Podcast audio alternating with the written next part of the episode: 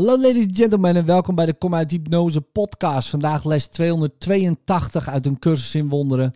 Ik zal vandaag niet bang voor liefde zijn. Als ik slechts dit vandaag zou kunnen verwezenlijken, zou verlossing voor heel de wereld zijn bereikt. Zie hier de beslissing om niet waanzinnig te zijn en om mezelf te aanvaarden zoals God zelf, mijn Vader en mijn bron, mij geschapen heeft. Zie hier het vaste voornemen niet in slaap te zijn in dromen van de dood, terwijl de waarheid voor eeuwig blijft leven in de vreugde van de liefde. En zie hier de keuze om het zelf te herkennen dat God geschapen heeft als de zoon die hij lief heeft en die mijn ene identiteit blijft. Vader, uw naam is liefde en de mijne is dat ook. Dit is de waarheid. En kan de waarheid worden veranderd alleen maar door haar een andere naam te geven?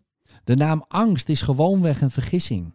Laat me vandaag niet bang voor de waarheid zijn. In liefde, tot morgen.